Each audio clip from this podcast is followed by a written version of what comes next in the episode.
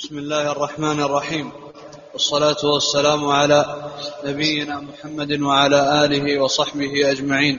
اللهم اغفر لنا ولشيخنا وجميع المسلمين.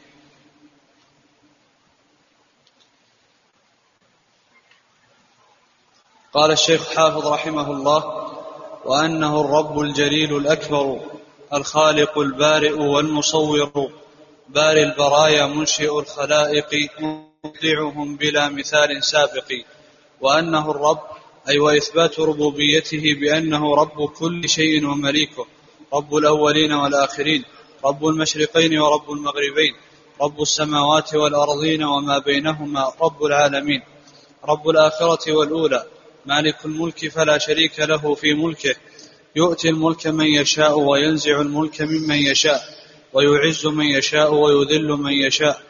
ويهدي من يشاء ويضل من يشاء ويسعد من يشاء ويشقي من يشاء ويخفض من يشاء ويرفع من يشاء ويعطي من يشاء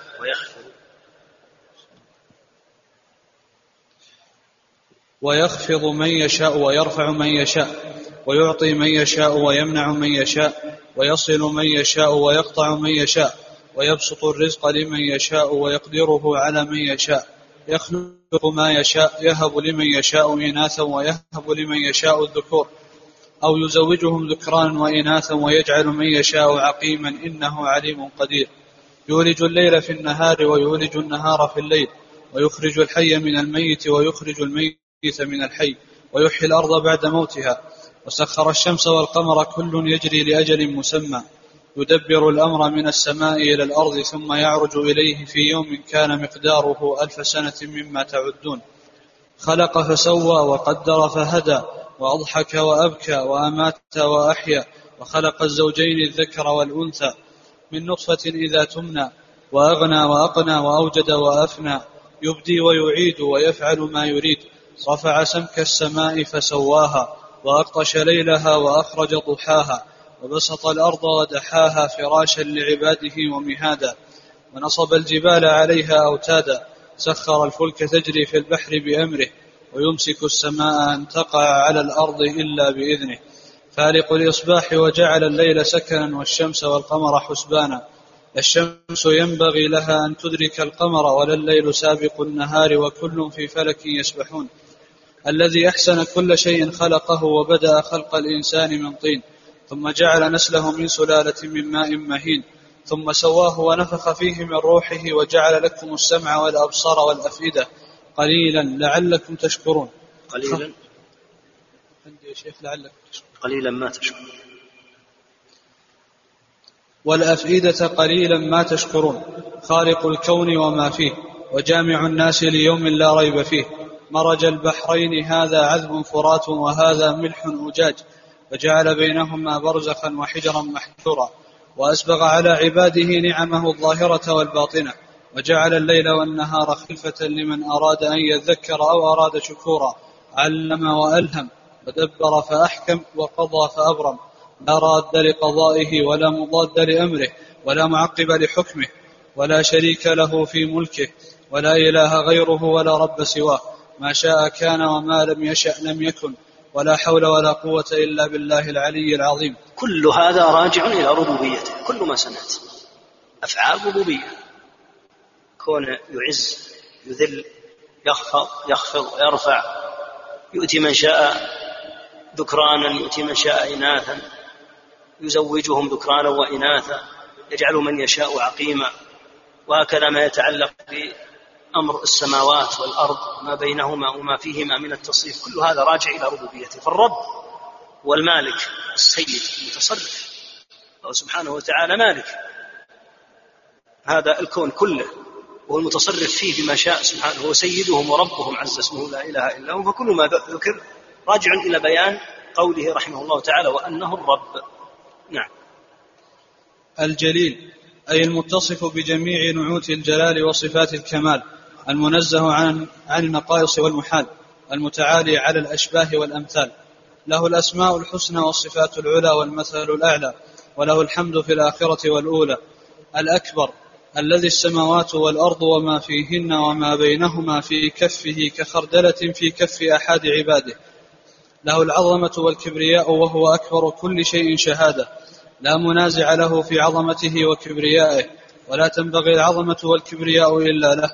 ومن نازعه في صفة منهما أذاقه عذابه وأحل عليه غضبه ومن يحلل عليه غضبه فقد هوى. هو عز وجل الجليل.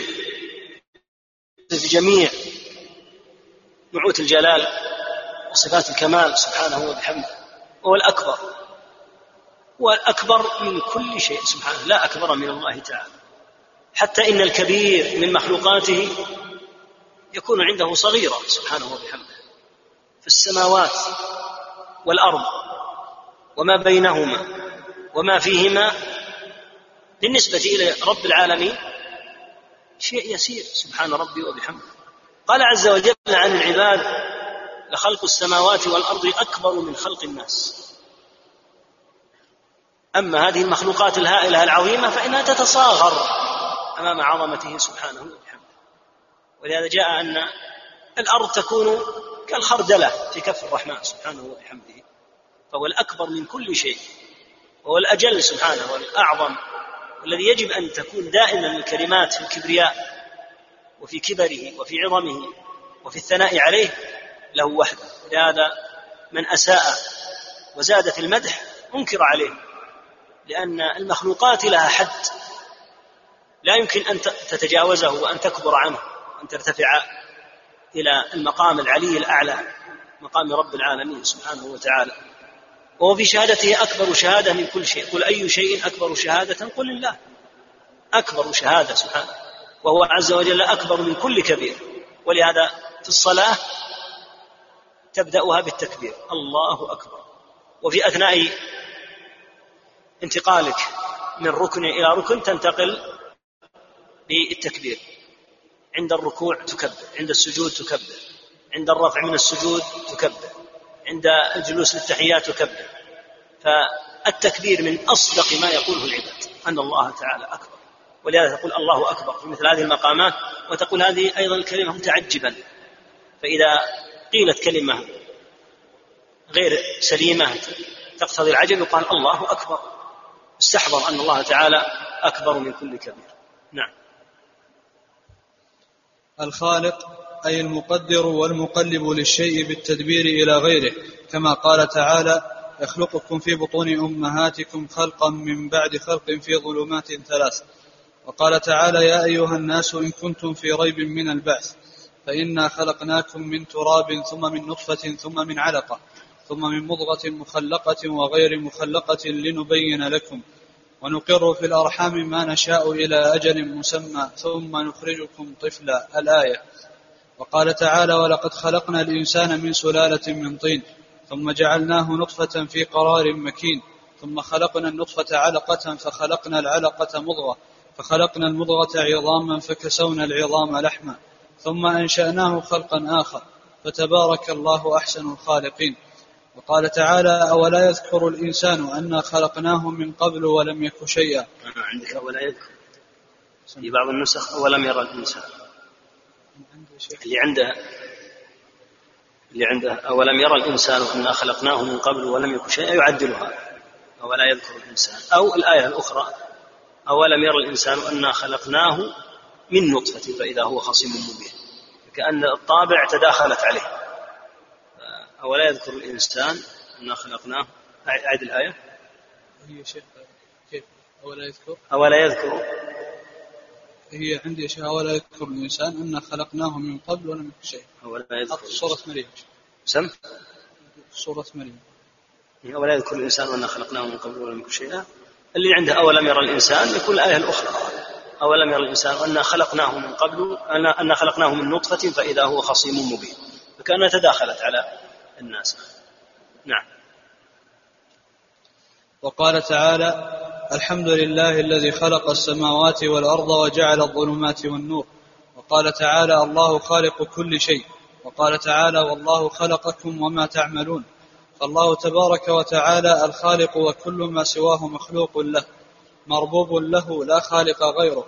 فجميع السماوات والأرض ومن فيهن وما بينهما وحركات أهلها وسكناتهم وأرزاقهم وآجالهم وأقوالهم وأعمالهم كلها مخلوقات له محدثة كائنة بعد أن لم, بعد أن لم تكن وهو خالق ذلك كله وموجده وهو وهو خالق ذلك كله وموجده ومبدئه ومعيده فمنه مبدأها وإليه منتهاها. ألا إلى الله تصير الأمور. البارئ أي المنشئ للأعيان من العدم إلى الوجود والبرء هو الفري وهو التنفيذ وإبراز ما قدره وقرره إلى الوجود. وليس كل من قدر شيئا ورتبه يقدر على تنفيذه وإيجاده سوى الله عز وجل. وليس. وليس. كله وليس كل من قدر شيئا ورتبه يقدر على تنفيذه وإيجاده نعم. سوى الله عز وجل. نعم. كما قيل ولأنت تفري ما خلقت وبعض القوم يخلق ثم لا يفري. أي أنت تنفذ ما خلقت أي قدرت. بخلاف غيرك فإنه لا يستطيع كل ما يريد. فالخلق التقدير والفري التنفيذ. المصور الممثل للمخلوقات بالعلامات التي يتميز بعضها عن بعض. أي الذي ينفذ ما يريد إيجاده على الصفة التي يريدها. يقال هذه صورة الأمر أو مثاله. فأولا يكون خلقا ثم برءا ثم تصويرا.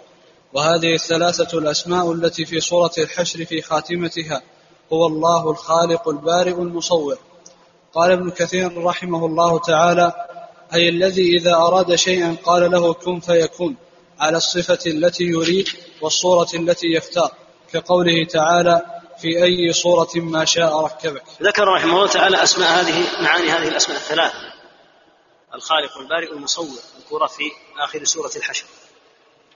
ذكر أن الخلق هو التقدير. أما البرء فهو التنفيذ. وذكر قول الشاعر ولا أنت تخلق ولا أنت تفري. ما خلقت وبعض القوم يخلق ثم لا يفري. ما كل أحد إذا قدر الشيء استطاع أن ينفذه. فالله تعالى هو الخالق والخلق معناه التقدير البارئ ومعناه التنفيذ وإبراز ما قدره سبحانه وتعالى. المصور الذي يجعل هذه الصور على تفاوتها في البشر وفي الدواب وفي الطيور فهو اسم عظيم من أسماء الله تعالى جعل هذه الصور هو الذي يصوركم في الأرحام كيف يشاء. لهذا قال رحمه الله فاولا يكون خلقا وهو التقدير. ثم برءا وهو تنفيذ وإخراج ما قدره وإبرازه ثم تصويرا أن يجعل هذه الصورة الصور يركبها سبحانه هو الذي يصوركم في الأرحام كيف يشاء. نعم.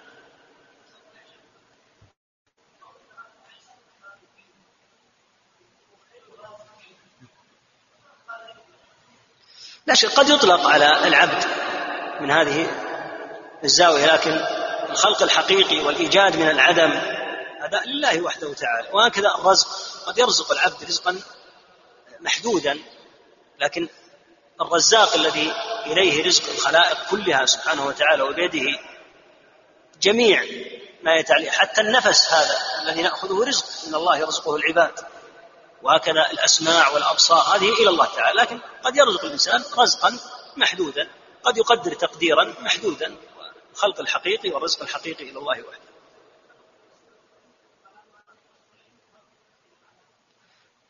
الخلق معناه التقدير. هذا قال ولا أنت تفري ما خلقت وبعض القوم يخلق ثم لا يفري. يعني يقدر الشيء ثم لا يستطيع أن يفريه وينفذه. نعم.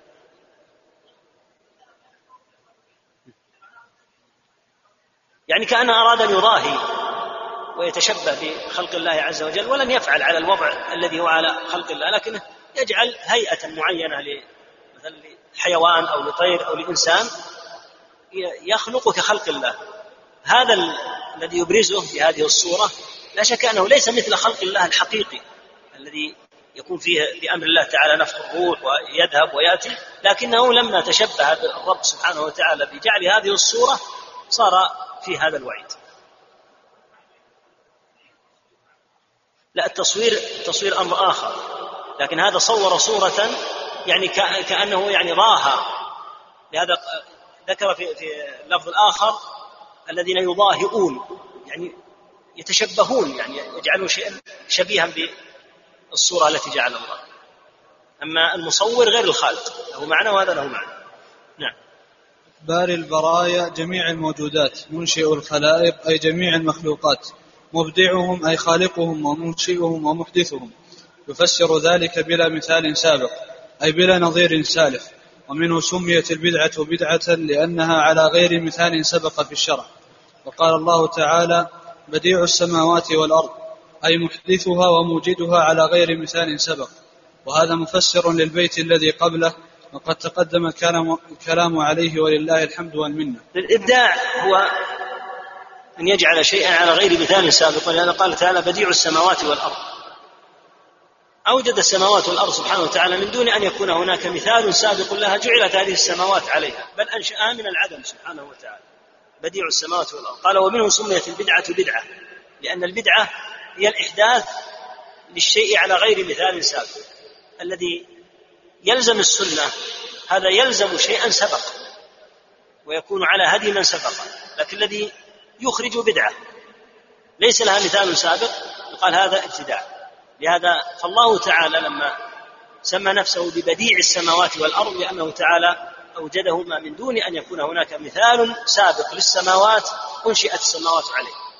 ومثال سابق للأرض أنشئت الأرض عليه. بل الله تعالى أنشأهما من غير مثال سابق. نعم. الأول المبدي بلا ابتداء والآخر الباقي بلا انتهاء. الأول فليس قبله شيء. المبدي الذي يبدئ الخلق ثم يعيده. بلا ابتداء لأوليته تعالى والآخر فليس بعده شيء الباقي وكل ما سواه فان بلا انتهاء لآخريته تعالى. قال الله عز وجل هو الأول والآخر والظاهر والباطن وهو بكل شيء عليم. وقال تعالى قل هل من شركائكم من يبدأ الخلق ثم يعيده؟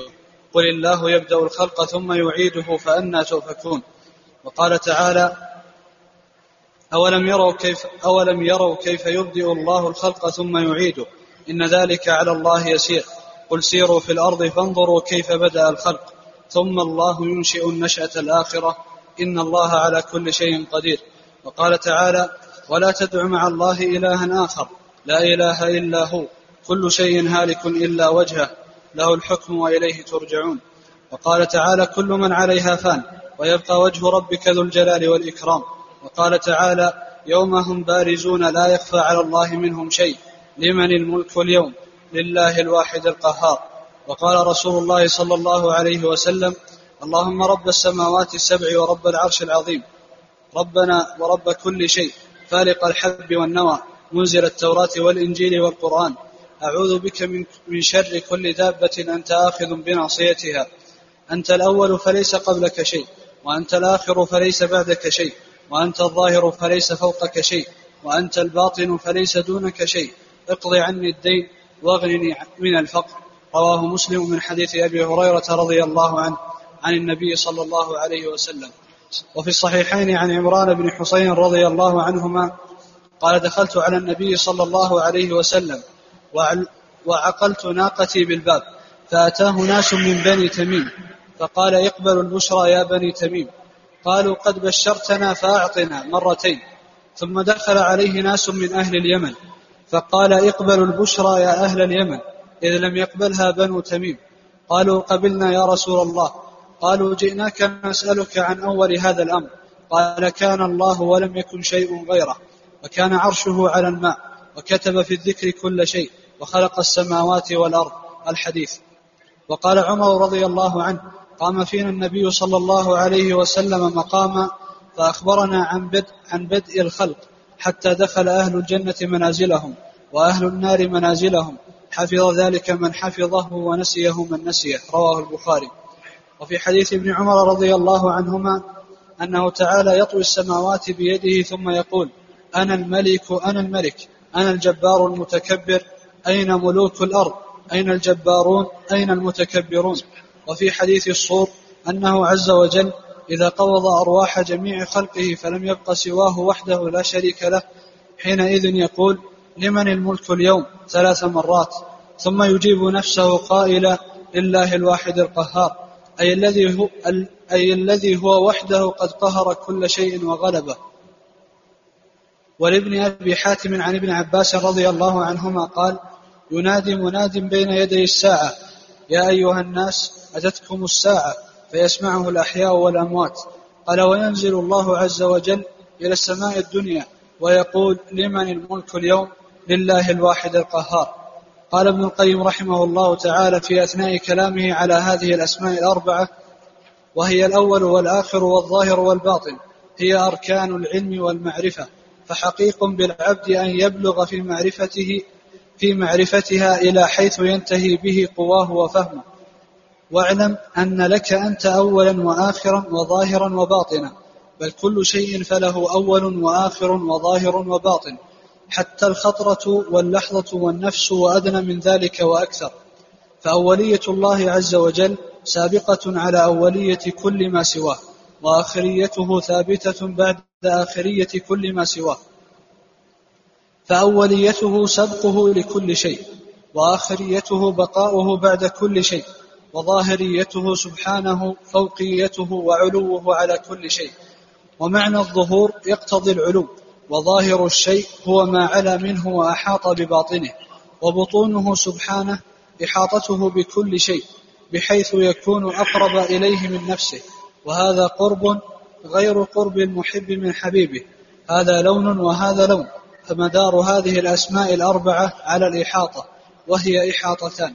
زمانية ومكانية فإحاطة أوليته وآخريته بالقبل والبعد فكل فكل سابق انتهى إلى أوليته وكل آخر انتهى إلى آخريته فأحاطت أوليته وآخريته بالأوائل والأواخر وأحاطت ظاهريته وباطنيته بكل ظاهر وباطن فما من ظاهر إلا والله فوقه وما من باطن إلا والله دونه.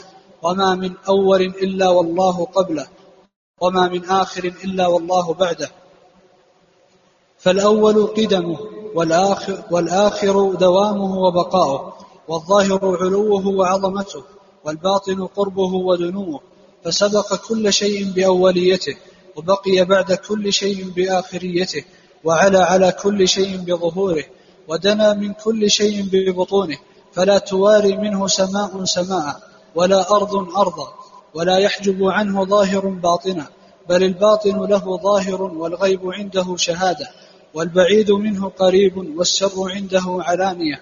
فهذه الأسماء الأربعة تشتمل على أركان التوحيد فهو الأول في آخريته والآخر في أوليته والظاهر في بطونه والباطن في ظهوره لم يزل أولا وآخرا وظاهرا وباطنا. ثم ساق الكلام على التعبد بهذه الأسماء فشفى وكفى رحمه الله تعالى. ولكن قد أحاط بذلك المعنى تفسير رسول الله صلى الله عليه وسلم في حديث أبي هريرة المتقدم قريبا بأوجز عبارة وأقصرها فسبحان من خصه بجوامع الكلم صلى الله عليه وسلم. هذه الأسماء العظام الأربعة وردت في سورة الحديد هو الأول والآخر والظاهر والباطن. الأول معناه واضح بتوضيح النبي صلى الله عليه وسلم في قوله اللهم أنت الأول فليس قبلك شيء. وهذا الاسم الأحسن. إذا أطلق القديم القديم قد يطلق ويكون مسبوقا بغيره من القدماء بخلاف ما إذا قيل الأول. قال الله تعالى حتى عاد كالعرجون القديم أنتم وآباؤكم الأقدمون فالاسم الأحسن لله تعالى هو الأول لأن الأول ليس قبله شيء. اللهم أنت الأول فليس قبلك شيء وأنت الآخر فليس بعدك شيء. يرث الخلائق كلها ويهلك الجميع من الجن والإنس والطيور والدواب والملائكة تموت كلها ويبقى سبحانه وتعالى فردا كما كان أولا فردا سبحانه وتعالى. ولهذا يقول لمن الملك اليوم؟ فلا يجيبه أحد لأن الجميع قد هلك. فيجيب نفسه سبحانه وبحمده فيقول لله الواحد القهار. وأنت الظاهر. فليس فوقك شيء. فليس فوق الله تعالى شيء البتة وهذا يدل على أن الظهور معناه العلو. وأنت الظاهر فليس فوقك شيء. فليس فوق الله تعالى شيء أبدا. وعلى عرشه عز وجل مستو في أعلى العلو. سبحانه وبحمده. وكل ما سواه تبارك وتعالى من عرشه وسائر مخلوقاته فإنهم لا يكون شيء منهم فوقه تعالى. وأنت الظاهر فلو فليس فوقك شيء. وأنت الباطن فليس دونك شيء. بطونه سبحانه وتعالى مثل ما ذكره يفيد الإحاطة. إحاطته تعالى بكل شيء حتى إنه أقرب إلى العبد من نفسه ومن حبل الوريد. ولهذا ذكر أن الأولية والآخرية متعلقة بالزمان. والظهور والبطون متعلق بالمكان. لهذا قال إنها كلها دالة إنها كلها دالة على الإحاطة. فالأول والآخر دال دالان على الإحاطة الزمانية الأول ليس قبله شيء والآخر ليس بعده شيء. هذا من جهة الزمان. والظاهر والباطن من الجهة المكانية. الظاهر فليس فوقه شيء والباطن فليس دونه شيء وهذه هي الإحاطة المكانية. وهي أسماء عظيمة جدا ويطول الكلام عليها لكن لا شك أن تفسير رسول الله صلى الله عليه وسلم لا أجل تفسير وأعظم تفسير وأبهى صلوات الله وسلامه عليه. بارك الله